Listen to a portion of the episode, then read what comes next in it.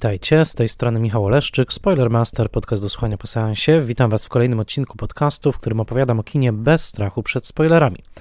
Zapraszam do posłuchania odcinka, jeżeli widzieliście już film, o którym mówię, ewentualnie jeżeli nie boicie się spoilerów. Spoilermaster jest podcastem w całości utrzymywanym przez patronki i patronów w serwisie patronite.pl. Serdecznie im wszystkim dziękuję, to dzięki ich wsparciu podcast może nadal trwać.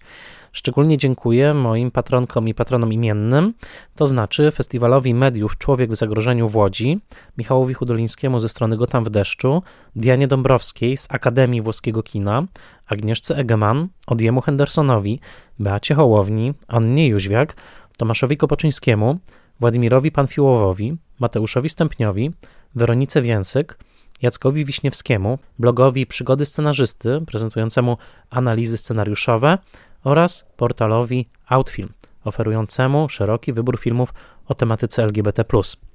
Serdecznie im wszystkim dziękuję i wszystkim, którzy słuchają podcastu, szerują o nim wiadomości. Im więcej słuchaczy, tym większa moja radość. Dzisiaj mm, jest odcinek, który ma premierę 11 marca roku 2022 i e, po raz pierwszy usłyszeliście nowy jingle Spoilermastera. Jingle skomponował Artur Guza. Bardzo serdecznie mu za to dziękuję. Marzył mi się jingle trochę w stylu VHS-owych czołówek lat 80. i dzięki Arturowi ten jingle od tej pory będzie zdobił odcinki Spoilermastera, a także postaram się go sukcesywnie wgrywać do starszych odcinków, aby służył jako identyfikacja audio mojego podcastu. Dzisiaj porozmawiamy o filmie Drive My Car, filmie Ryusuke Hamaguchiego, który doczekał się czterech nominacji Oscarowych i w momencie nagrywania odcinków wciąż czekamy na y, galę Oscarową, w trakcie której Drive My Car może zatriumfować w kategoriach najlepszy film, najlepszy film międzynarodowy, najlepsza reżyseria i najlepszy scenariusz. Zobaczymy. Wszyscy mówią, że film jest pewniakiem w kategorii najlepszy film międzynarodowy. Wydaje mi się, że rzeczywiście tak jest. O twórczości Ryusuke Hamaguchiego i o samym filmie, który naprawdę jest bardzo niezwykły, porozmawiam za chwilę z Łukaszem Mańkowskim, znawcą kina Japonii i Azji, którego za chwilkę przedstawię także bardziej szczegółowo. Bardzo także polecam facebookowy profil Kinema Chromatica przez CH, Kinema Chromatica, nostalgiczna przestrzeń kina azjatyckiego, pisze Łukasz Mańkowski. Jest to nie tylko bardzo ciekawy, ale także bardzo pięknie plastycznie prowadzony profil, który serdecznie, serdecznie polecam. E, za chwilkę porozmawiamy z Łukaszem o tym filmie, który naprawdę e, uważam za zachwycający, bardzo dobry i postaramy się rozwikłać trochę tę zagadkę, jaką jest Ryusuke e, Hamaguchi. Bardzo serdecznie Was zapraszam teraz do posłuchania naszej rozmowy i zapraszam Was do kina. Dodam także, że jeżeli słuchacie tego odcinka przed 18 marca roku 2022, to właśnie na 18 marca tegoż roku zapraszam Was na godzinę 18 do kina Muranów, gdzie odbędzie się wydarzenie Spoiler Master w Muranowie. Odbędzie się pokaz filmu Drive My Car, a po seansie spotkamy się na żywo z publicznością. Ja i Łukasz Mańkowski. I jeszcze zanim przejdę do rozmowy z Łukaszem, chcę tylko powiedzieć, że w dzisiejszym odcinku pojawią się spoilery zarówno do Drive My Car, jak i do filmów Pętli, Ryzyka i Fantazji. To drugi film Ryusuke Hamaguchiego, który obecnie jest na ekranach, dystrybuowany przez Stowarzyszenie Nowe Horyzonty. Po tym disclaimerze możemy zacząć. E, witam już mojego gościa. Jest ze mną Łukasz Mańkowski, e, znawca kina Azji, tłumacz z języka japońskiego, afiliowany też przy festiwalu Pięć Smaków i tutaj muszę też powiedzieć, e, doktorant w na Wydziale Artes Liberales Uniwersytetu Warszawskiego, gdzie mamy okazję także trochę współpracować. Witaj Łukaszu. Cześć, dzień dobry. Bardzo się cieszę, że przyjąłeś to zaproszenie. Y, no przede wszystkim dlatego, może zacznę od takiej nuty. Y, po raz pierwszy o mm, Ryusuke Hamaguchi usłyszałem od ciebie. Y, nie zarejestrowałem wtedy jeszcze takiego, takiego talentu nowego na mm, horyzoncie kina. Też kino Azji nie jest moją specjalnością, ale oczywiście ilekroć odkryję coś, co podoba mi się, to, to podążam za tym. Natomiast to ty pierwszy powiedziałeś mi, że jest właśnie taki reżyser, że dodałeś skromnie, że zrobiłeś z nim wywiad, który pojawił się na łamach znakomitego Silent Soundu. No i wtedy zacząłem to nazwisko słyszeć coraz częściej. Zrozumiałem, aha, to jest ten człowiek, który właśnie tu dostał nagrodę w Berlinie, tu w Locarno, tutaj w Cannes. No i teraz mamy film mm, Ryusuke Hamaguchiego Drive My Car z czteroma nominacjami do Oscara, w tym co rzadkie, chociaż ostatnimi czasy coraz częstsze, czyli nominacją w kategorii i najlepszy film międzynarodowy i najlepszy film po prostu. No w tym także nominacja reżyserska właśnie dla Hamaguchiego i scenariopisarska, którą y, dzieli ze swoim współpracownikiem. O tym jeszcze za chwilę. Łukaszu, witaj. Cześć, dzień dobry. Miło mi bardzo e, gościć tutaj. E, sam słucham bardzo często Spoilermastera, więc jakby mam wrażenie, że to jest też taki moment dla wielu osób, nas, młodych krytyków, którzy się zajmują tym kinem, jakiś spełnienia jakichś e, małych, większych marzeń, więc bardzo się cieszę. To bardzo się cieszę i cieszę się, że właśnie spotykamy się przy takim twórcy, którego tak naprawdę ty mi pomagasz odkrywać. No, y, zacznij, zacznę od tego, że mm, obejrzałem cztery filmy mm, właśnie Hamaguchiego, to znaczy Drive My Car, E, wcześniejszy Asako mm, jeszcze wcześniejszy Happy Hour, pięciogodzinny film do, dostępny obecnie tylko na Criterion Channel, jeżeli ktoś e, chce działać z VPN-em, e, ale jest to kanał legalny, mm, a także w pętli ryzyka i fantazji.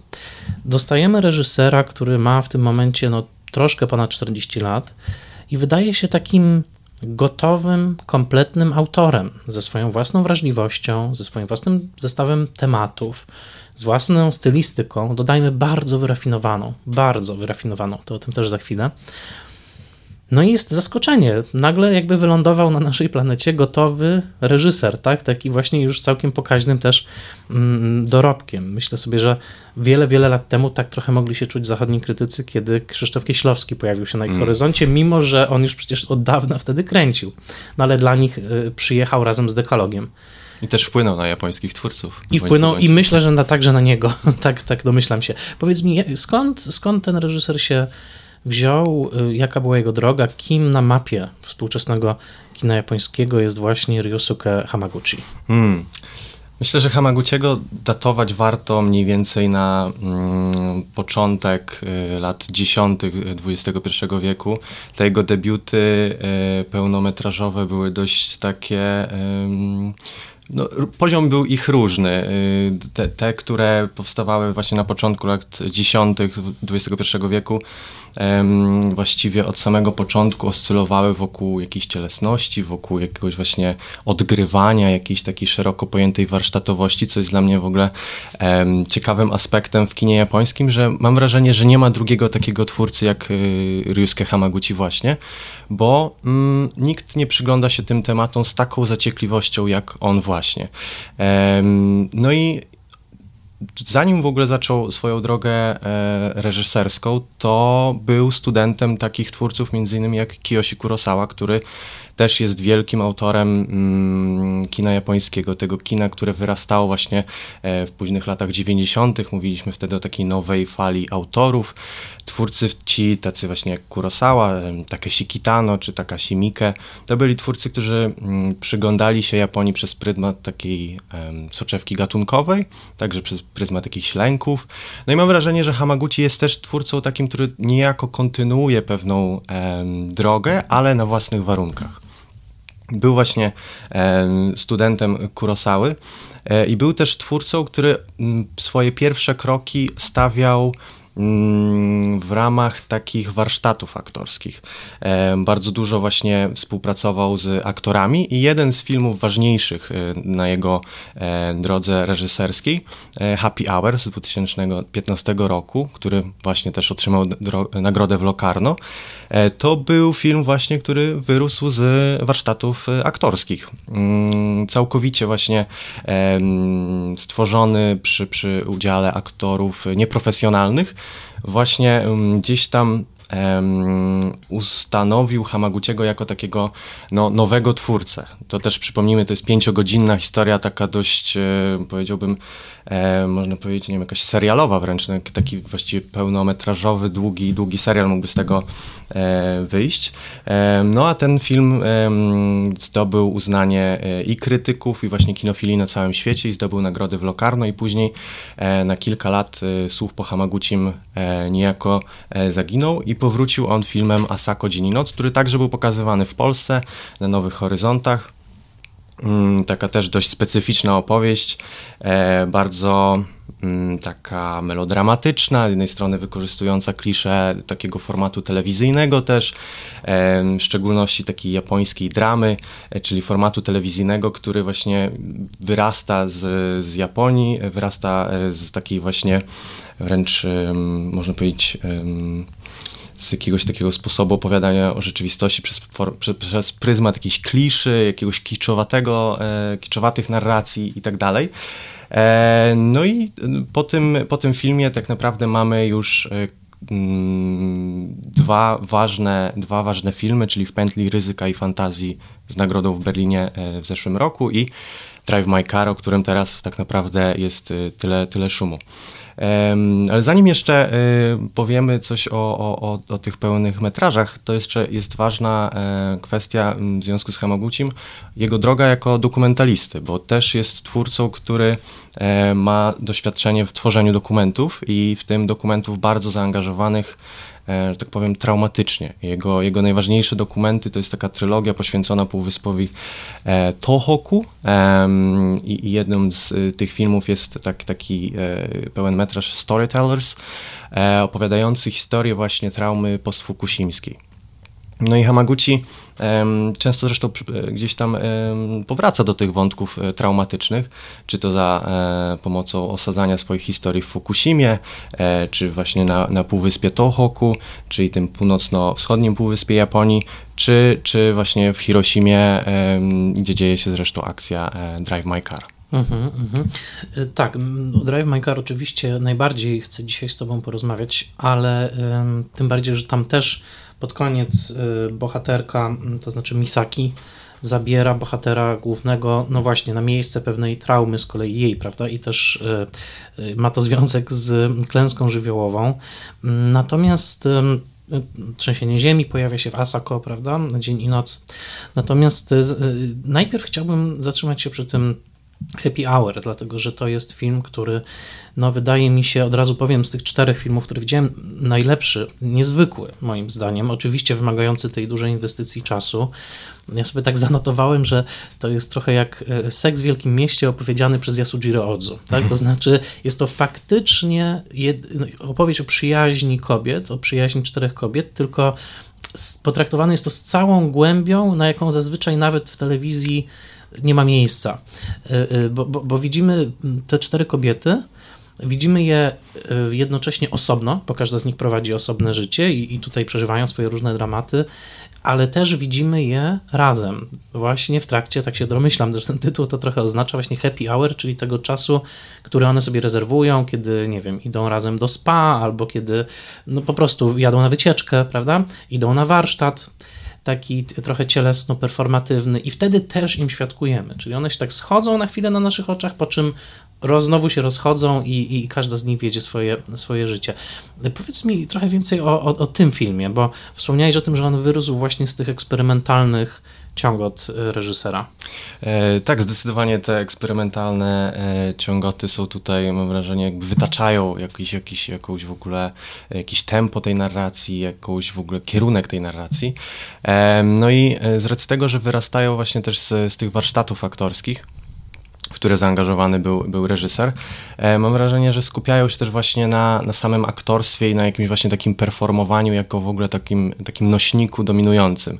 Że dla Hamaguchiego w ogóle e, aktorstwo jest jakimś takim medium, że te postaci odgrywają kogoś, zapętlają się i w tych zapętleniach często jest, znajdują jakąś przestrzeń na to, żeby um, przewartościowywać swoje życie, swoje traumy, spoglądać na doświadczenie. Um, no i e, jeśli chodzi o happy hour, to jest to rzeczywiście film, który mm, rozciąga tak naprawdę e, momenty. E, wspomniałeś o tych e, warsztatach.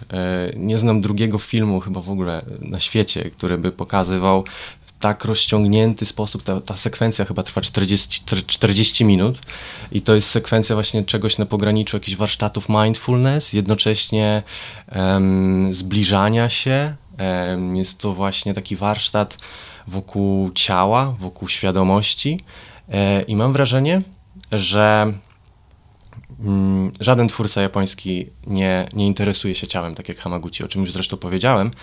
E, I to jest ciekawe, bo ten mo motyw w ogóle cielesności, on pojawia się już wcześniej u Hamaguchiego. E, właśnie w takim filmie chociażby z 2010 roku The Depths, czyli Głębiny. To jest z kolei historia e, koreańskiego fotografa. Tutaj też wątek Korei e, Południowej gdzieś się powraca, który natrafia na takiego ciekawego chłopaka i właśnie mm, taka troszeczkę opowiedziana to jest historia w kluczu Antonioniego, czy też terrorystów Edwarda Younga. E, no i ta cielesność właśnie jest też takim jakimś medium tam. Historia jest opowiedziana przez pryzmat ciała, fotografii, zdjęć. E, I ten motyw cielesności pojawia się też w późniejszym filmie Hamaguchiego, The Mysterious e, Skin of Eeriness, bodajże taki jest tytuł, bardzo tajemniczy, bardzo taki hamaguciowy, można by powiedzieć, w którym cielesność jest Właściwie tam mamy z kolei obraz warsztatów też cielesnych, w których postaci jakby tak lawirują wokół siebie w, w tych warsztatach, nie mogąc się dotknąć. W takim właśnie niedotyku tańczą troszeczkę. E, i, i, I właśnie mm, dla mnie stale zaskakuje mnie to, że Hamaguchi szuka w tej cielesności czegoś swojego. I zaczął to właśnie w Happy Hour, e, w które właśnie zaczyna się troszeczkę właśnie od tych warsztatów, od które jednocześnie zmieniają główne bohaterki. Każda z nich ma mm, jakiś, e, jakiś właśnie 5 minut dla siebie, jakieś swo swoje też happy hour do tego, żeby przewartościować swoje życie i przejść przez jakieś swoje właśnie e, doświadczenia, spojrzeć na życie z dystansu. E, jednocześnie spoglądamy na bohaterki przez pryzmat e, ich partnerów, e, czy właśnie otoczenia, w którym się znajdują. E, I to jest taki sposób opowiadania historii, w którym mm, każda z tych postaci praktycznie dostaje jakiś taki wręcz serialowy, serialowy format.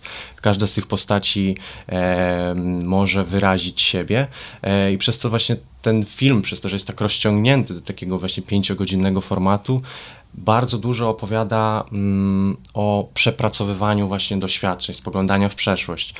I mam wrażenie, że Happy Hour jest właśnie takim punktem, nad punktem w karierze Hamaguchiego, w którym on wyznacza jakąś taką swoją dialektykę. Ehm, przepracowywania treści, przepracowywania doświadczeń, przepracowywania ciała, wprowadzania też w ruch postaci, wprowadzania w ciało w ogóle w ruch. E, I mam wrażenie, że, że tym filmem właśnie mm, pokazuje, co go tak naprawdę interesuje. I te poszukiwania, które, które on przeprowadza właśnie na tym formacie pięciogodzinnym są dla mnie czymś absolutnie fascynującym, że się zatapiam w to i mimo, że to trwa pięć godzin, mam wrażenie, że, że nie chcę, żeby to się kończyło. Tak, e, dokładnie tak. Dodajmy, że e, Hamaguchi najwyraźniej ma ogromny talent w obydwie strony, dlatego że w filmie w pętli ryzyka i fantazji z kolei oferuje nam trzy bardzo krótkie nowelki, prawda? To znaczy takie mniej więcej półgodzinne. Tutaj i też jest tym świetny. Tutaj oferuje pięciogodzinną opowieść, no i, no i to, to, to jest mm, naprawdę niesamowite, z jaką subtelnością to robi, jak właśnie pokazuje drogę każdej z tych mm, bohaterek. Wspomniałeś o scenie warsztatów, ja bym wskazał na jeden, jedyny znany mi film, który robi coś podobnego, to znaczy film Out One y, Jacques'a Rivetta. To jest ten słynny 17 chyba godzinny, jeśli pamiętam, film, w którym też są takie długie sceny warsztatów aktorskich i, i, i, widzimy jakby naszych bohaterów i w tych warsztatach i później. Kto wie zresztą, zaraz powiemy o kinofilii y, Hamaguchiego, myślę, że to może być całkiem świadome nawiązanie. Natomiast jeszcze y, tak cały czas chcę mm, spróbować nazwać y, y, tematykę i w ogóle zainteresowania y, Hamaguchiego, bo one są bardzo szerokie. Powiedzmy tak w największym skrócie, no tak, już wspomniałeś o dokumencie, prawda, czyli filmy dokumentalne, które tworzył właśnie o ofiarach tsunami. Mamy pięciogodzinny film o przyjaźni czterech kobiet, nakręcony no, z takim ogromnym psychologicznym detalem. Mamy Asako, Dzień i Noc, które w zasadzie można sobie wyobrazić także jako melodramat amerykański w latach 50. E, e, Hamaguchi, dodam, wymienia wśród swoich inspiracji często Douglasa Serka i filmy takie jak Pisane na wietrze czy All That Heaven Allows, no bo mamy historię dziewczyny, która zakochuje się w pewnym chłopaku, on nazywa się Baku, e, po czym dochodzi do rozstania, i na jej drodze pojawia się za jakiś czas tak samo wyglądający młody człowiek, który nie ma z tamtym nic wspólnego, poza tym, że wygląda tak samo. I ona wpuszcza go do swojego życia, w zasadzie tworzy z nim związek, ale gdzieś tam w tle jest ten pierwszy Baku. I to przecież jest opowieść, no, jak z melodramatu, też z jakimś takim romantycznym bardzo, prawda, wątkiem sobowtóra. Y, to mogłaby być, nawet to mógłby być poemat romantyczny, prawda, dokładnie ta, taki, taki, to nie jest realizm, prawda, to nie jest realizm. Y, dokończę tą litanię w postaci Drive My Car, gdzie mamy z jednej strony adaptację opowiadania Murakamiego, o tym zaraz powiemy, i tak naprawdę rodzaj adaptacji Wujaszka Wani Czechowa, no i nad tym wszystkim także y, ów nowelowy w pętli ryzyka i fantazji, gdzie trzy drobne historyjki, może gdzieś tam pobrzmiewające Romerem, ale nie tylko, y, są. Więc powiedz mi, gdzie ten rozległy talent, niebywale szeroki, uzdolniony, jak widać we wszystkim, także w mówieniu o tabu, bo jego filmy też, też dotykają dosyć mocno kwestii seksualności. Powiedz mi, gdzie jest jego centrum, takie skąd? jak, jak ty go widzisz? Ja myślę, że y, strasznie ciężko jest mówić o Hamaguchim przez pryzmat jakby jednej kwestii, jednego słowa, ale myślę, że on po prostu to, co go interesuje, to jest życie. A spytałem się go kiedyś, dlaczego te melodramaty, skąd one się biorą i dlaczego tak dużo uwagi poświęca właśnie tej ekspresji melodramatycznej.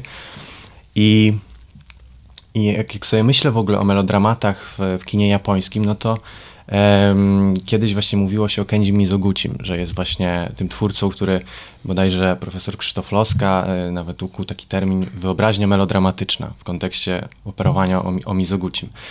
Więc to jest jeden trop, a drugi trop to jest e, Mikio Naruse, twórca, którym Hamaguchi najbardziej chyba się inspiruje i nawet kiedyś go spytałem o ten aspekt właśnie e, tych mistrzów japońskich, który z nich, czy to Ozu, czy Mizoguchi, czy ktoś może inny, wpłynął na niego najbardziej i Hamaguchi właśnie odpowiedział wtedy, że oczywiście Mizoguchi, Ozu wywarli na mnie ogromny wpływ, ale to jest właśnie Mikio Naruse, to jest ten, który ukształtował moje myślenie o, o rzeczywistości, ale też o narracji, jako takiej właśnie formie ekspresji.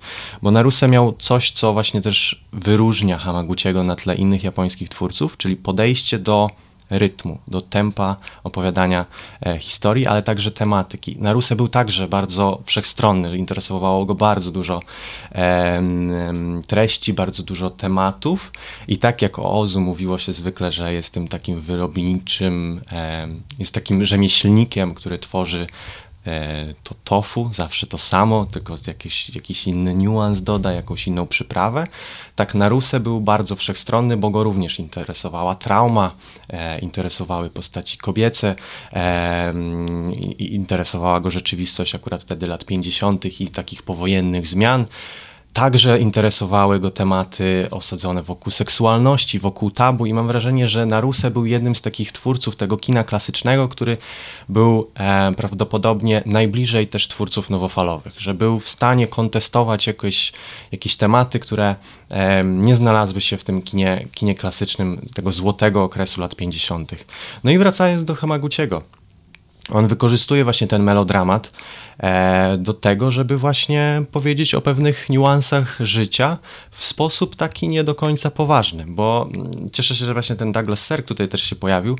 Właśnie dla niego Douglas Sirk jest takim twórcą idealnym, takim geniuszem swoich czasów, który w, w, wyekstrahował sobie jakiś styl właśnie z nie do końca poważnie traktowanego gatunku, bo jednak melodramat często był traktowany przez palce, że to jest trochę rozrywkowe, nie do końca poważne, czasami może nawet głupiutkie. Sam Hamaguchi uważa, że niektóre filmy y, Serka są wręcz głupie, ale jednocześnie trafiające do ludzi, y, szczególnie tamtego okresu, bardzo rezonujące z tym, co tworzył. I mam wrażenie, że takie też są filmy Hamaguchiego, że jego timing, w którym on właśnie teraz e, wyrasta jako ten nowy autor, ten taki kolejny, e, no wręcz cudowny twórca, e, wyrasta też z tego, że opowiada o, o rzeczach, które są bardzo bliskie nam aktualnie. Nieważne, czy to ze względu na pandemię, czy nie. Po prostu te, te, te kwestie są dla nas bardzo istotne, ze względu na to, że mm, dotyczą tematów uniwersalnie rezonujących, czy to w Japonii, czy poza Japonią. I wydaje mi się też, że ten timing wy, wynika właśnie z naszej potrzeby do obcowania z tego typu tematami. E, I ta, te, te, te, przełamywanie tabu Hamaguchiego też funkcjonuje e, od, od bardzo dawna. Wspomniałem o tym filmie z 2010 roku, The Depths. To jest jeden z pierwszych japońskich znanych mi filmów, który w ogóle dotyka jakiejś takiej ekspresji wokół e, tożsamości niebinarnej w ogóle. To jest też bardzo ciekawe, że to jest no, 12 lat temu, e, a Hamaguchi już interesuje się tematami, które w tej chwili tak naprawdę dopiero teraz wchodzą do jakiegoś takiego, od niedawna co prawda, e, szerszego obiegu. Mm, no i to, co on właśnie robi z tych swoich melodramatów, to jest tak naprawdę opowiadanie o, o życiu przez jakieś takie dystansowanie się od tej rzeczywistości. I takie też mam wrażenie jest Asako, które mm, przez wiele osób zostało skreślone na samym początku. Krytyka była bardzo sceptyczna wobec, wobec tego filmu że to jest trochę taki film, no właśnie trudny do ugryzienia, bo jest nie do końca poważny, że on jest taki, tak jak mówiłem też, że trochę jak drama telewizyjna, nie do końca wiemy, co z nim zrobić, a jednocześnie jest bardzo zakorzeniony w rzeczywistości japońskiej, bo i też pojawia się tam ten temat nawet y, Fukushimy, tego trzęsienia ziemi, które się tam e, dzieje jako taki punkt zwrotny w pewnym momencie. E, no ale myślę też, że tych wszystkich filmach, e, które, które on tworzy, począwszy od właśnie mm, jego, jego pierwszych form filmowych, które jeszcze są takie mm, no, nie, niedoskonałe, dalekie od tego, co widzimy chociażby w Happy Hour czy Drive My Car, ale już wtedy interesuje go przede wszystkim e, życie i wchodzenie w tematy, które e, nikt nie wchodzi. I myślę, że dużo dużo tak naprawdę czerpie też z zachodnich twórców, że on tworzy sobie taki właśnie swój styl, który jest jednocześnie bardzo japoński i bardzo zachodni. Jednak przesiąknięcie tymi właśnie kinofilskimi inspiracjami jest tutaj, mam wrażenie, e, kluczowe dla niego. Mhm. Dodajmy, że Asako było w konkursie głównym kaneńskim i Hamaguchi w przeciwieństwie do wielu twórców, którzy musieli przechodzić całą drogę, że nie wiem, najpierw ich parę filmów było tych sekcjach pobocznych, na przykład Sertan Regard, tak, czy Quinzin. Tutaj on w zasadzie tej drogi nie przechodził. Ten film od razu trafił do konkursu głównego. To też było wskazanie chyba takie programerów kaneńskich, że tutaj dostrzegli kogoś bardzo, bardzo już dojrzałego. No wtedy zresztą on chyba dopiero dobiegał 40, bo w momencie jak rozmawiamy, to e, Hamaguchi ma chyba 43 lata, a zatem wciąż mówimy o twórcy dosyć młodym. E, powoli skręcając, używam tej metafory celowo w stronę Drive My Car, Jednocześnie chciałem zwrócić uwagę na jeszcze jedną rzecz. Ty powiedziałeś o tej kinofilii i to jest oczywiście no, niebywała przyjemność dla, właśnie dla kinofilów, tak? żeby odkryć reżysera, który jest także kinofilem. Dodam, że czytając wywiady z Hamaguchim, także ten, który ty przeprowadziłeś, ale też inne, no w zasadzie można tylko usiąść i płakać, to znaczy w tym sensie, że e, powiem to z, całą sympatią dla kina polskiego, ale nie mamy takich twórców w Polsce, tak? Nie mamy ani jednego reżysera, który reprezentowałby ten stopień wtopienia w kinofilijską kulturę. I teraz, żeby dopowiedzieć, co mam na myśli. No, zapytany o ulubione filmy i o filmy, które na niego wpłynęły, Hamaguchi recytuje taką litanię rzeczy rzeczywiście wyśmienitych, często mało znanych albo znanych w pewnym wąskim kręgu, prawda? To znaczy sam fakt, że on wskazuje na Żana Renoira i raczej na te późniejsze filmy, te tak zwane teatralne, jak Złota Karoca chociażby, prawda? Y, mówi o mm, Żanie Gremilionie, czyli o francuskim twórcy głównie z lat okupacyjnych, wskazuje na taki film Światło lata, Lumière d'été, E, który no znowu jest wysmakowanym melodramatem z lat 40., prawda? Wskazuje na Serka, wskazuje na Rosselliniego, Stromboli, ale także wycieczka do Włoch, podróż do Włoch w zasadzie. No, to, to jest skala odniesień, e, to, to osobne pytanie, dlaczego tak jest, prawda? Może to ma coś wspólnego ze szkolnictwem. W każdym razie, no, no nie czytałem jeszcze żadnego wywiadu z polskim reżyserem, który by przytaczał tego rodzaju paletę nazwisk. Mm, I jednocześnie nie ma żadnych, i to, to chyba chcę najbardziej się tym z Tobą podzielić, już też przechodząc do Drive My Car. Jestem zdumiony tym, jak pięknie, yy, yy, korzystając też z tych wszystkich doświadczeń, inspiracji, jak pięknie Hamaguchi filmuje naszą współczesność. Jak, bo po raz pierwszy widzę chyba reżysera tak wyczulonego na nowoczesną architekturę, na y, przestrzenie, które wszyscy świetnie znamy, uniwersyteckie na przykład, czy przestrzenie różnych centrów kultury, prawda, tych nowoczesnych, to też widzimy w Drive My Car, prawda, to centrum kultury, które tam pokazuje, mm, przestrzeń, w której odbywają się przesłuchania i, i później próby czytane. To wszystko jest rozpoznawalne jako współczesna, wielkomiejska y, y, architektura, taka także właśnie dotycząca kultury. W Happy Hour mamy niesamowitą scenę równie długiego jak ten warsztat, czytania utworu poetyckiego y, w takiej właśnie przestrzeni. I on to robi no, z ogromnym wyczuciem estetycznym. Mm, I, i, I, jednocześnie jest wyczulony na krajobraz, bo krajobraz oczywiście bardzo, bardzo, myślę o krajobrazie naturalnym, y, ma ogromną rolę w Drive My Car. Więc pamiętając o tym, jak subtelnym i oczytanym kinofilem jest, jednocześnie pamiętając i patrząc, jak czyste emocje wzbudza swoim kinem, to nie jest kino intelektualne. Jest i nie jest. Ktoś może obejrzeć Drive My Car, nie mieć tych wszystkich odniesień i nadal będzie poruszony. Chciałem Cię zapytać właśnie o ten film, bo przeprowadzając swój wywiad y, y, z Hamaguchim, zacząłeś od, uważam, świetnego pytania, mianowicie, czy on sam ma prawo jazdy i co na to odpowiedział? No powiedział, że ma prawo jazdy, to prawda, ale nie prowadzi swojego samochodu, e, ze względu na to, że nie potrafi jeździć. To jest też... To mnie pocieszyło, bo ja mam dokładnie tak samo. Też mam prawo jazdy, raz jechałem w życiu i mam nadzieję, że już nigdy nie pojadę. Także to mnie akurat e, zagrzało mi serce. E, tak, to właśnie podobnie, to podobnie jest z Hamaguchim, bo z tego co pamiętam, dwa razy prowadził w swoim życiu i też już więcej, więcej nie, nie zamierza.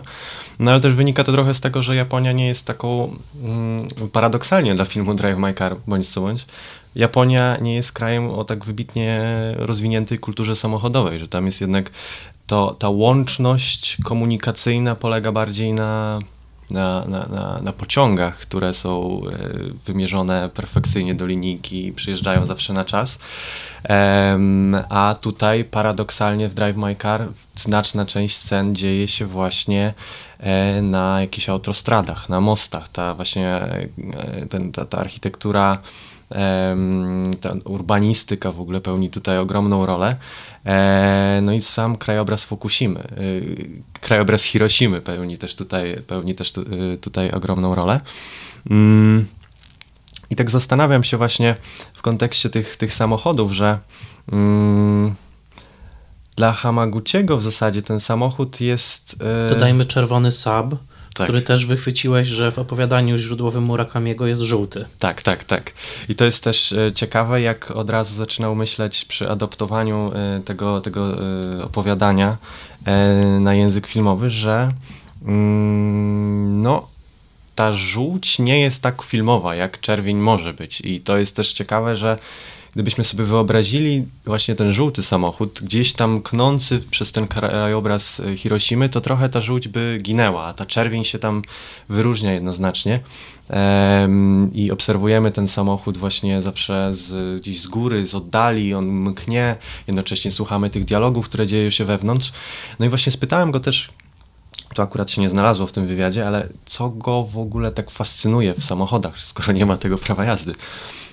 No i on powiedział, że e, z samochodami jest jak z filmami, że samochody to, to są w ruchu, są, są przedmiotami wprawionymi w ruch, a filmy, motion pictures, użył nawet tego sformułowania, motion pictures, to jest właśnie obrazy wprawione w ruch, więc w momencie, w którym osadza się e, jakąś scenę, e, inscenizuje się scenę w samochodzie, mamy tak naprawdę bardzo dużo obrazów, które też są wprawione w ruch za oknem.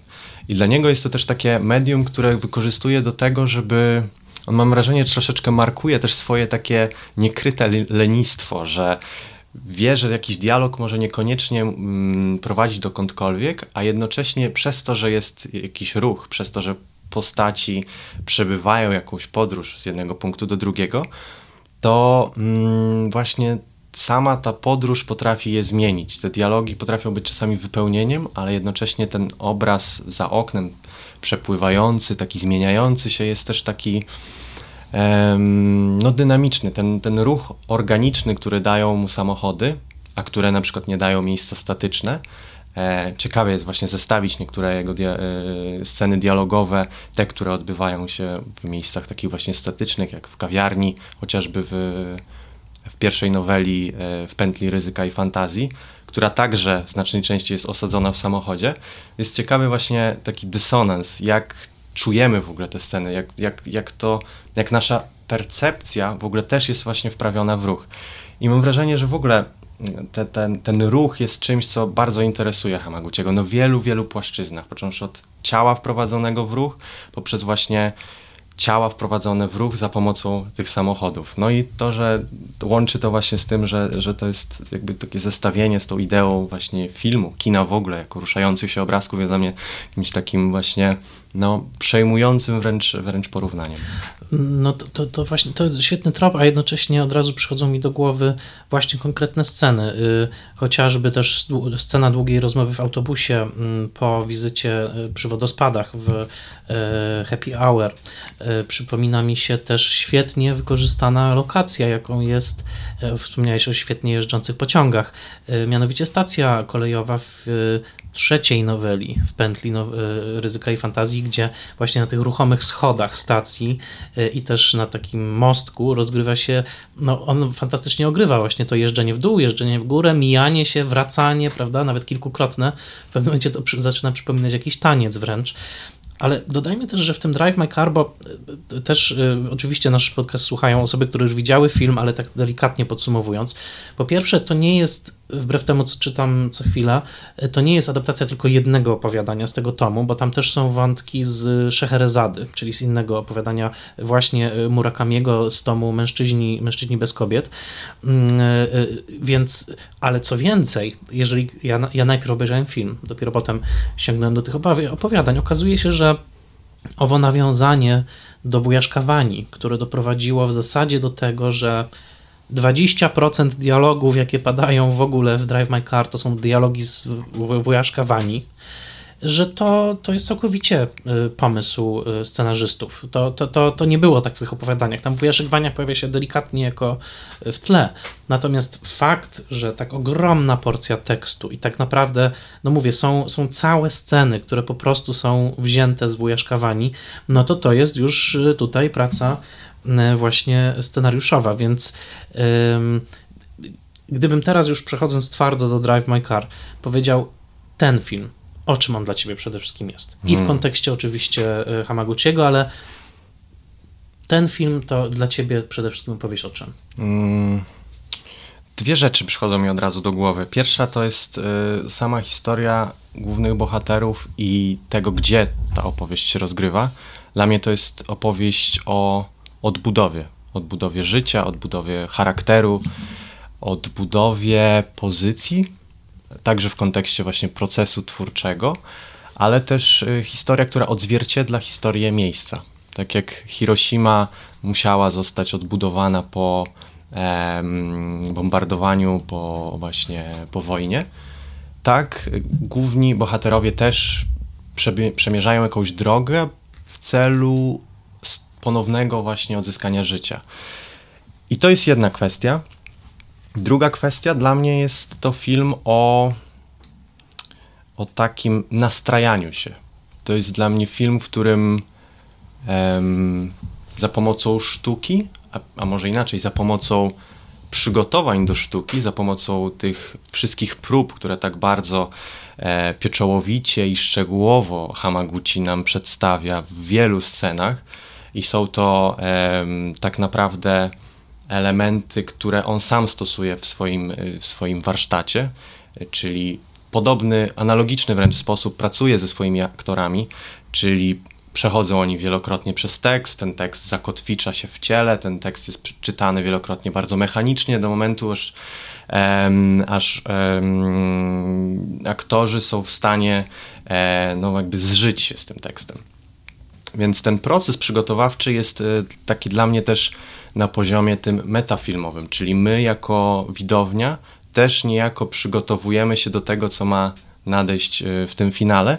Czyli to jest, ja, ja lubię to porównywać do takiego procesu właśnie jakbyśmy dostrajali się niczym instrumenty. Gdybyśmy właśnie e, za pomocą tych wszystkich prób dostrajali się do tego, co ma przyjść na końcu. Przyjść też w formie takiego katarzis, które niejako nas oczyści, tak jak w klasycznym wręcz teatrze. Ale oczywiście poza tym jest cały szereg tematów, które tam występuje, więc trudno jednocześnie tak z, zestawić, o czym jest y, w jednym słowie y, ten, ten film. Ale na pewno ten aspekt prób, tego pokazywania, jak sztuka przenika się z życiem, e, jak życie przenika się ze sztuką, e, jest czymś, co taki, mam wrażenie, świadomości kinofilskiej jest zawsze takim bardzo atrakcyjnym elementem. Myślę, że to też jakby ta kinofilska wrażliwość Hamaguchiego tutaj przemawia e, i, i niejako robi troszeczkę film o sobie samym, o tym, jak on postrzega ten proces twórczy. E, I zastanawiam się też właśnie, jak oglądałem po raz drugi na przykład ten film, jak bardzo właśnie metafilmowa jest też ta opowieść, jak dużo jest o e, patrzeniu, jak dużo jest o e, właśnie takich aspektach związanych z właśnie odgrywaniem to jest taki w ogóle y, motyw, który pojawia się bardzo często u Hamaguchiego. Jest taki charakterystyczny zabieg, który on bardzo często wykorzystuje w swoich filmach i mam wrażenie, że to istnieje od samego początku jego kariery, czyli takie bezpośrednie patrzenie w kamerę. Jest taki trik, który się nagle pojawia, em, który e, gdzieś nam wzbudza w nas jakiś taki niepokój, takie freudowskie uncanny, albo e, po prostu nagle zwiększa lub zmniejsza dystans i tak jest w pętli ryzyka i fantazji. Bohaterki e, tych trzech nowel w pewnym momencie, w każdej z nich wydaje mi się jest taki moment zeskoczenia, w którym po prostu e, pojawia się to i partie dialogowe są e, wymawiane wprost do kamery, ale także w Drive My Car ta, ta, mm, ten trik pojawia się po raz pierwszy w momencie sceny łóżkowej pomiędzy Oto a Kawku, kiedy ona e, tuż przed wypowiedzeniem tej ostatniej swojej historyjki też patrzy przez moment e, do kamery. I mam wrażenie, że Hamaguchi jest takim twórcą właśnie poprzez wykorzystywanie takich trików i, i, i, i tworzenia swoich narracji wokół odgrywania, powtarzania, jakichś zapętleń, że on jest taki bardzo mocno właśnie zafiksowany na punkcie tego, jak w ogóle rejestrujemy rzeczywistość i jak, e, jak z nią obcujemy, jak możemy tworzyć narrację. Jest to też twórca, który właśnie jest właśnie zafiksowany o narracjach w ogóle. Mm-hmm, mm-hmm. Myślę, że dobrze to nazywasz. Ja tak też na bieżąco się zastanawiam. Chciałem jeszcze dorzucić, że też elementy innego opowiadania tego pod tytułem kino tam też troszkę tak, się tak, e, tak. odbijają. Kino to i na imię głównego bohatera, ale, ale nie tylko. W każdym razie absolutnie się zgadzam i wydaje mi się, że w pewnym sensie Drive My Car jest filmem o, o tym, jaka jest stawka opowieści, to znaczy skąd opowieść się bierze. Może żyjemy w takich czasach, że łatwo zapomnieć, e, że opowieść, ta opowieść, która ma szansę zostać na długo, tak, z ludźmi nawet więcej niż 100 lat, że ona się bierze gdzieś tam z ciała.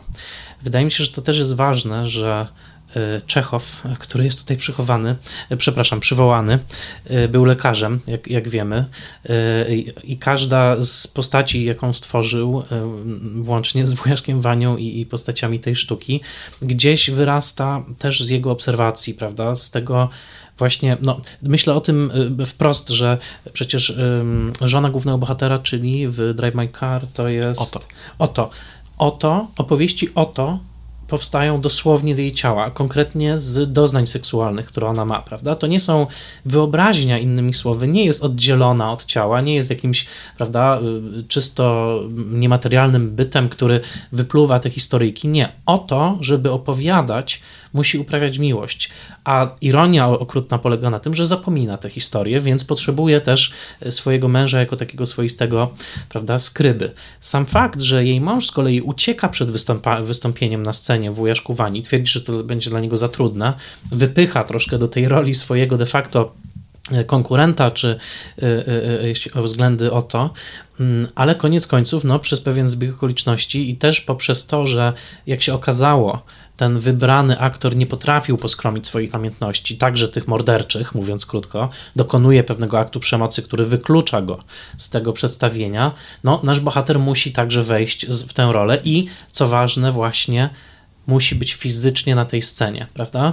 Innymi słowy, trochę to jest o tym, że jeżeli chcesz naprawdę opowiadać, to musisz w tym być, tak? Także ty fizycznie, cieleśnie historia tego, że na końcu oni razem jadą, już mam tutaj na myśli mm, e, bohatera i Misaki, czyli jego kierowczynię, tak, szoferkę, muszą pojechać do tego miejsca, gdzie, gdzie ta trauma się wydarzyła. Znowu nie wystarczy zdjęcie, prawda? Nie wystarczy tylko słowo. Trzeba to poczuć, trzeba tam, e, trzeba tam, tam być.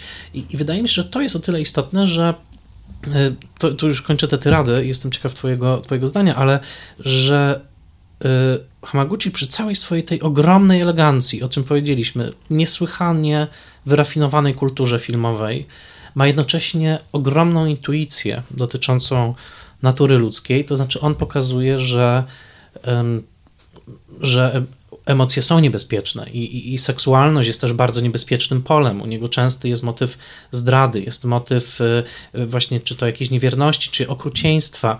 Mamy wręcz w zasadzie y, drugą nowelkę mm, y, drugą nowelkę w kręgu ryzyka i fantazji, która rozgrywa się gdzieś wokół tematu mitu, prawda? Ale też pokazuje w jaki sposób znowu opowieść erotyczna, spisana przez profesora e, literatury, wyrasta z jego doświadczenia, ale też jak on nawiguje nowe doświadczenie erotyczne z kobietą, która ch chciała go zwabić pewną pułapkę. Yy, po czym okazuje się, że jest niemożliwe e, bezpieczna nawigacja tych, te, te, tych terenów, ponieważ wiadomość wysłana do profesora przypadkowo trafia do kogo innego. Ja też na początku odcinka dałem disclaimer, że będą spoilery od, odnośnie tego filmu, więc możemy o tym mówić. Ale mm, no, no właśnie, w każdej z tych opowieści jest też ten element, że opowiadając swoją historię, odsłaniasz siebie, odsłaniasz także siebie cieleśnie. Y, w trzeciej nowelce już nie będę się nad tym rozwodził, ale też jest moment, w którym dokładnie w momencie, kiedy jedna bohaterka nazywa swoją największą tęsknotę i mówi, że chciałam ciebie znowu zobaczyć, okazuje się, że mówi do kogoś zupełnie innego, mówi do obcej osoby, ale odsłonięcie nastąpiło, prawda? Ona odsłoniła tą swoją tęsknotę największą. Więc Drive My Car wydaje mi się takim filmem, w którym właśnie ten temat opowiadania i, i kosztu z tym związanego jest, jest, jest, jest kluczowy i chyba też związany z językiem, prawda? Bo to wystawienie Wani jest wielojęzyczne. Co to oznacza i skąd to się wzięło, że każdy mówi w swoim języku? Um, to jest pomysł, który Hamaguchi w ogóle wymyślił, zanim jeszcze po, powstał pomysł do Drive My Car. E, I to miał być film o kobiecie, która jedzie do Francji po to, żeby mm, tam wystawiać jakąś sztukę na ulicy, taką, prowadzić takie życie właśnie troszeczkę ulicznej performatorki. I no, oczywiście mm, sęk w tym, że to, co wystawia, to w jaki sposób odgrywa siebie też na tej ulicy, jest niezrozumiałe przez osoby e, na zewnątrz. I ten aspekt właśnie powrócił e, do Hamaguchiego, bo tamten film nie został nigdy, tamten projekt nigdy nie został zrealizowany, ale stwierdził, że mm, potrzebuje jakiejś metody dla Kawku, takiej, która by w jakiś sposób odróżniała go od innych twórców. I to też nadmienię, że e, w pierwowzorze tego opowiadania e, Drive My Car Kawku nie jest reżyserem, a jedynie aktorem. I tutaj, żeby właśnie wzmocnić też ten, ten proces właśnie stawiania swojego, swojego życia na, na nowo, e, właśnie przepracowywania traumy, to istotny jest ten właśnie proces twórczy. No i w, w postaci właśnie em, tego, tego rzemiosła, jakim jest też właśnie reżyseria teatralna. Em, no i w jakimś stopniu możemy pomyśleć sobie, że ta metoda wystawiania sztuki w wielu, wielu językach, ale też właśnie w zasadzie wystawiania w językach także cielesnych, bo mamy tam język migowy, który mam wrażenie, że coraz częściej e, jest wykorzystywany w, w kinie w ogóle. E, przychodzi mi do, na myśl chociażby Duna niedawno, który też ten język migowy jest wykorzystywany jako pewien zasób, a nie jakaś ujma. Mam wrażenie, że właśnie ta narracja zmierza ku temu, żeby niejako e, przedefiniowywać w ogóle e, niepełnosprawność w kinie jako w ogóle obraz. E, to ta metoda jest na wskroś awangardowa, a jednocześnie bardzo prosta, bo chodzi o to, że komunikujemy się nie poprzez słowa, a poprzez właśnie język ciała, czy to będzie mimika, czy też właśnie gestykulacja. I to jest coś, co um, Hamaguchiemu służy jako pewien nośnik do tego, żeby tworzyć połączenie. I podobało mi się, co powiedziałeś, że właśnie y, dużo jest u Hamaguchiego wokół intymności y, i tego właśnie w jaki sposób jest dużo zbliżeń, odkrywania siebie i jak w ogóle postaci się ze sobą łączą. I mam wrażenie, że ten język właśnie, e, którym, a właściwie wielojęzyczność, którymi się komunikują postaci na, na scenie, jest też właśnie po to, żeby nawiązać pewnego rodzaju intymność. Kiedyś się spytałem właśnie, jak on pracuje ze swoimi aktorami, poza tym, że właśnie przechodzą oni przez, e, przez e, wielokrotnie przez partię, partię tekstu, to dla niego istotna jest właśnie też ta intymność. Nawet część jego filmów nazywa się właśnie w taki sposób. Intymności, e, pasja, e, głębiny też takie emocjonalne, można powiedzieć. I, i, I to, co u niego właśnie gdzieś krystalizuje się w tym procesie, to jest właśnie to połączenie. On nawet sam kiedyś powiedział mi, że mm, podczas prób po prostu przechodzą przez ten tekst, później przechodzą do inscenizowania y, konkretnych scen i czeka, aż coś się stanie. Po prostu tak to nazwał. Coś się dzieje. E, I mam wrażenie, że to jest też o tym właśnie, mm, jak funkcjonują te opowieści w jego postaciach, że one przepracowują te opowieści. I to jest też twórca, który bardzo mocno właśnie osadza w ogóle e, swoje postaci wokół ciągłego opowiadania.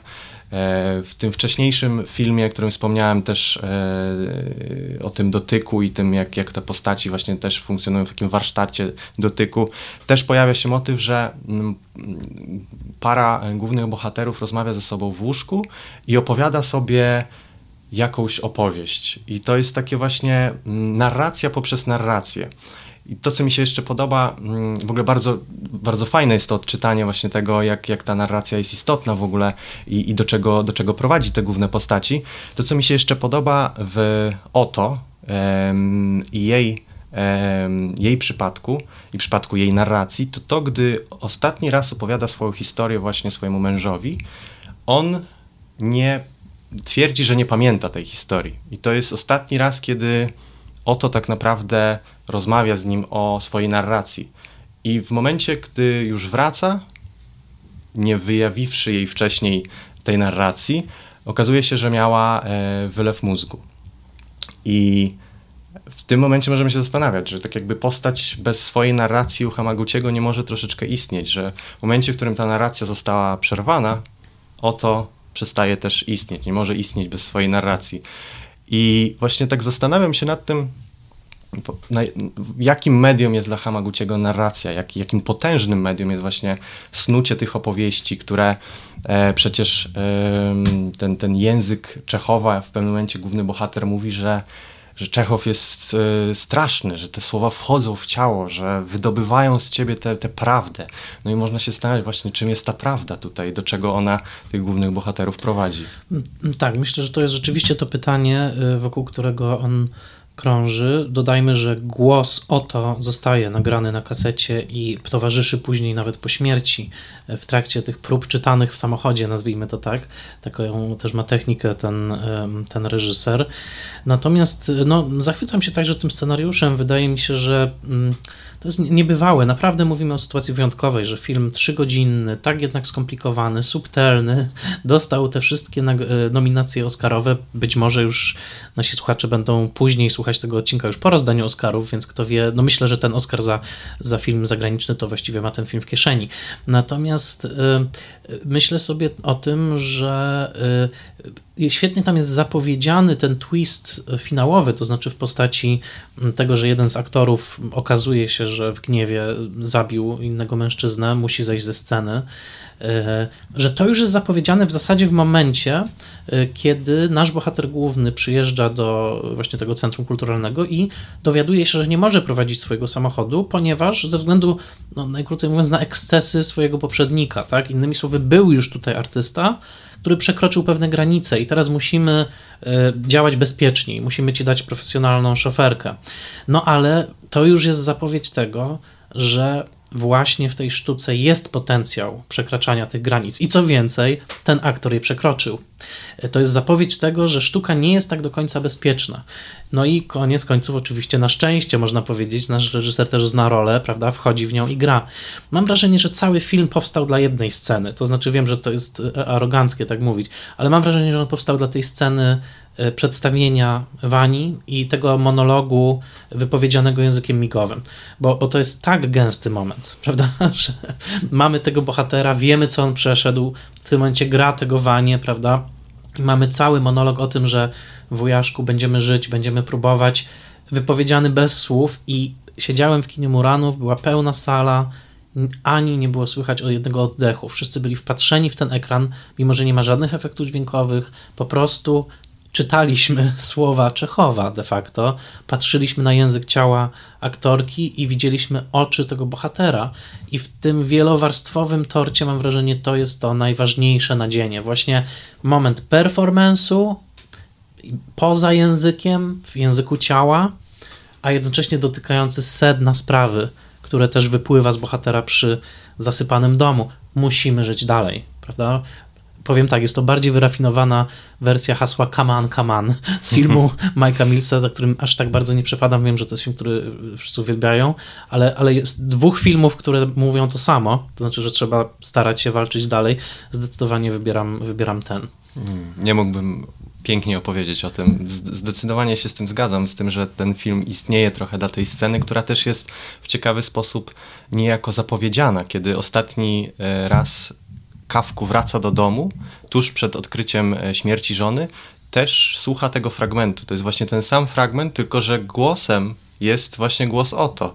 I to jest też tak niesamowicie subtelny moment, bo wtedy Kawku aplikuje sobie krople do lewego oka i ta kropla spływa po jego policzku ale to, co widzimy na samym końcu, to już jest prawdziwa łza. Jest po prostu tak przepięknie zainscenizowane i tak przepięknie napisane. To jest niesamowity, naprawdę niesamowity reżyser. Ja uważam w ogóle już poza wszystkim innym, że ten film powinien być pokazywany obowiązkowo w szkołach aktorskich i w ogóle może w szkołach artystycznych. Teraz dużo też się rozmawia, prawda, o bezpieczeństwie pracy i tak dalej. Wciąż nie potrafimy poruszać się do końca po tym temacie. Uważam, że ten film dotyka sedna sprawy. E, od razu też dodam, że pokazywałbym go z innym filmem, mało znanym w Polsce, mianowicie Wania z 42 ulicy. To jest film e, Louis Ostatni jego film, w którym obserwujemy rodzaj próby czytanej właśnie Wani, tylko że z zestawem amerykańskich aktorów w jakiejś takiej zapuszczonej salce gdzieś na Broadwayu. I oni też, mimo że mają na sobie współczesne stroje, totalnie są z tego Nowego Jorku lat 90., e, nagle ożywają przed nami jako bohaterowie właśnie Czechowa. Także te dwa filmy, Wania z 42 ulicy i Drive My Car, uważam, że powinny być absolutnie obowiązkową lekturą każdego, kto wchodzi w tematykę właśnie teatru, performance'u, aktorstwa, no i przede wszystkim obcowania z tekstem, bo ten ogromny szacunek też dla, dla Czechowa, jaki on tutaj wyraźnie ma, jest niesamowity. Czy wiemy coś o planach yy, yy, na przyszłość? To znaczy, bo bardzo się boję, żeby teraz nie nastąpił jakiś, nie wiem, żeby mu ego po prostu nie wystrzeliło, żeby, żeby no zachował to coś, co ma nas najcenniejszego, żeby nie podzielił trochę losu Barego Jenkinsa, bo Barry Jenkins też był takim właśnie kinofilem, który stworzył moim zdaniem wybitny Moonlight, a potem no już było trochę gorzej i teraz bardzo się boję, żeby sodówka mnie strzeliła do głowy, żeby po prostu robił dalej swoje. Wiemy coś, co dalej? E, no pracuję w tej chwili nad, nad kolejnym filmem. E, nie pamiętam niestety szczegółów tego filmu. E, gdzieś czytałem, że to ma być znowu jakieś e, pójście w jakąś adaptację literatury. E, nie wiem, czy to będzie Murakami. E, Murakami jest dość specyficznym twórcą do adoptowania i, i, i myślę, że... Płomienie, prawda? Tak, Ten tak. film koreański. E, I to jest ciekawe, bo spytałem właśnie, czy Płomienie być może były jakimś, jakąś inspiracją i co prawda inspiracją nie były, ale podobieństwo jest takie, że postaci są wprawione w ruch w momencie, w którym znika jakaś kobieta tym przypadku Kawku traci żonę, tam znika Haemi, główna bohaterka, po tej bardzo znanej scenie, scenie tańca, przepięknej zresztą. I są jakieś może momenty estetycznie, wizualnie podobne, ale mm, Hamaguchi odpowiadając na to pytanie właśnie, e, czy, czy płomienie były jakąś inspiracją, powiedział, że jedynym podobieństwem dla niego z płomieniami jest to, że zarówno on, jak i Lee Chang-dong wykorzystują świat Murakamiego do tego, żeby opowiedzieć coś swojego. Że to nie jest świat Murakamiego takim, jaki Murakami go widzi, tylko to jest świat Murakamiego takim, jakim oni go widzą. I mam wrażenie, że to jest... To jest powód, dla którego ten Murakami tak dobrze wypada w, w ich wykonaniu, w ich języku, bo rzeczywiście opowiadają Murakamiego poprzez właśnie to, co ich interesuje. Jest sporo z Murakamiego w przedmiotach, w tych winylach, w muzyce, w tym jazzie, który Eiko Ishibashi przepięknie zresztą skomponowała do, do, do, do filmu e, ale jednocześnie jest dużo od nich samych. I mm, no, jestem ciekaw, jak to się potoczy dalej z Hamaguchim, bo to jest twórca o niezwykłej cierpliwości. Jeśli spojrzymy na jego wczesne filmy, to są takie filmy, które są bardzo niedoskonałe, że trudno się w pełni w nie zanurzyć. E, są genialne pomysły inscenizacyjne, ale jeszcze nie są one tak wykonane z taką mhm. finezją, e, jak, jak są wykonane w późniejszych jego filmach. Więc widać, że to jest, to jest ogromna droga i mam wrażenie, że, te, że on ciągle tworzył niejako o tym samym. Nawet jeden z jego projektów to jest czterogodzinny zapis prób teatralnych. Mm. I to jest film, który się nazywa właśnie Intimacies, Intymności.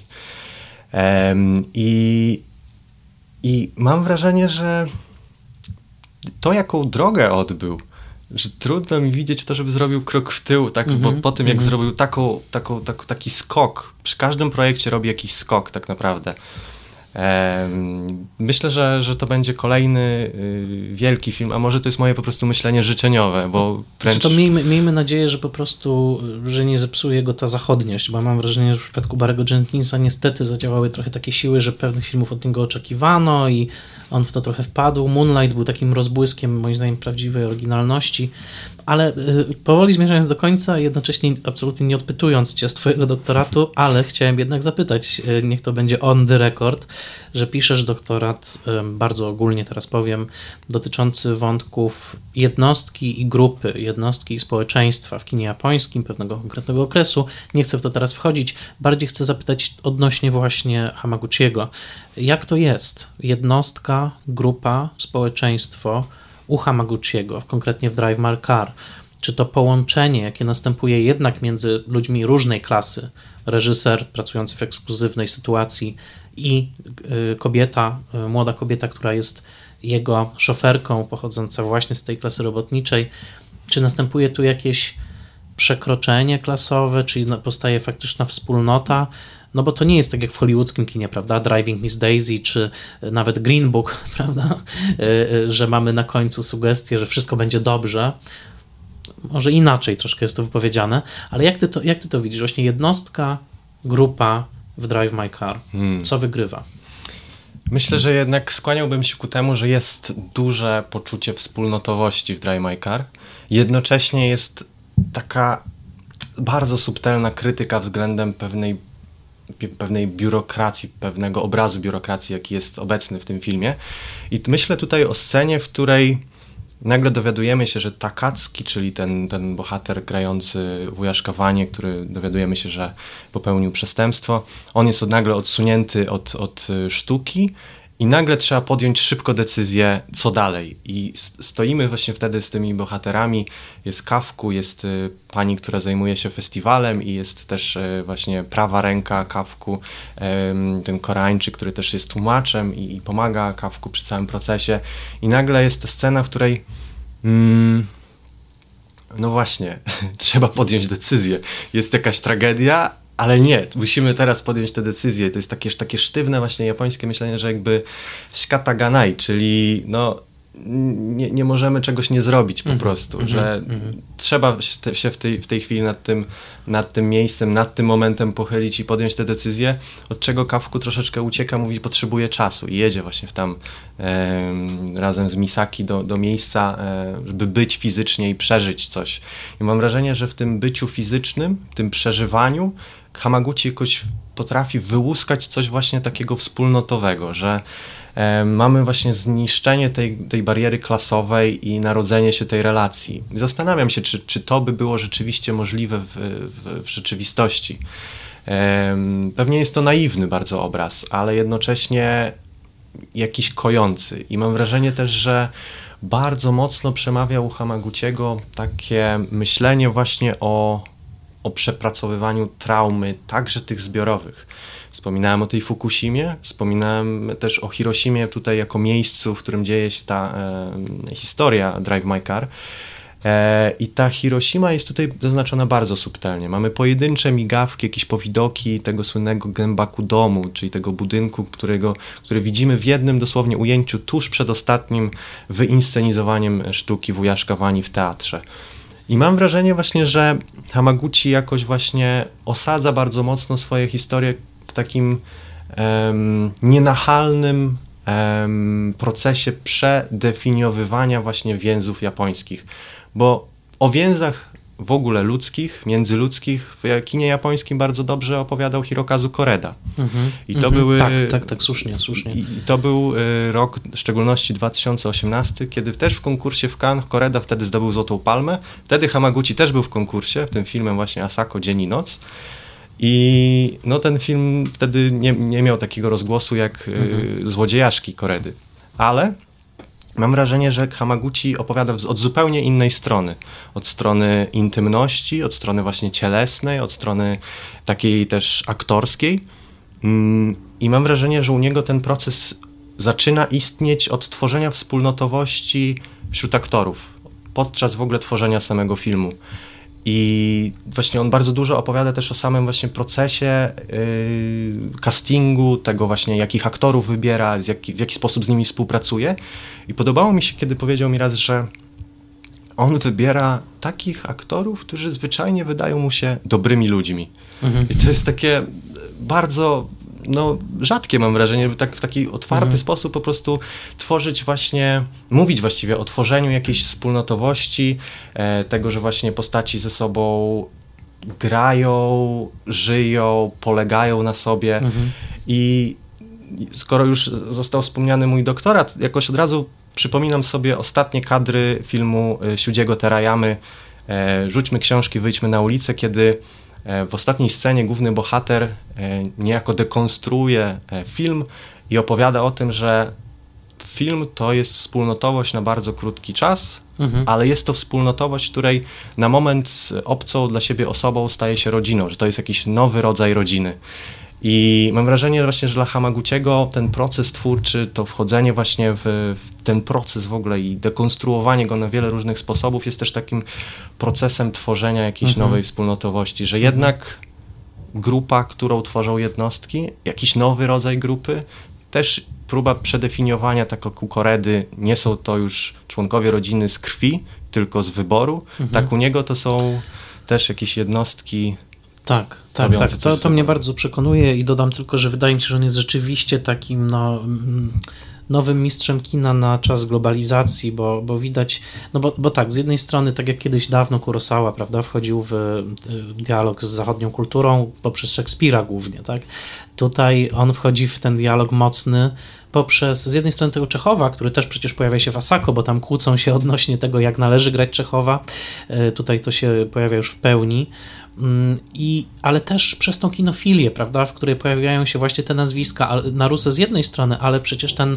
Jean Renoir, rzeczywiście, Złota Karoca, francuski Kankan, te jego puste filmy, one tu bardzo, e, późne, przepraszam, późne filmy, bardzo, bardzo mocno mm, grają, więc moim zdaniem to jest tak jak kino japońskie, które ja znam tylko wyrywkowo, ale wiem, że czasami wchodziło w dialog z własną tradycją teatralną, to znaczy japońską, prawda, nie wiem, podwójne samobójstwo, czy zemsta aktora i tak dalej, to tutaj on robi taki transkulturowy ruch, czyli właśnie wychodzi w stronę Czechowa, czyli coś, co w zasadzie się już stało, no Czechow dobrze brzmi w każdym języku, co tutaj też słychać, prawda, bo słyszymy go w wielu, a jednocześnie, tak jak ty mówisz, no, uruchamia te wszystkie konteksty lokalne, no myślę, powiem, uważam, że jest to wybitny film, Bardzo trzymam kciuki, żeby on szedł po prostu swoją drogą, żeby robił dokładnie to, co, czego w danym momencie potrzebuje, żeby nie oglądał się na nagrody.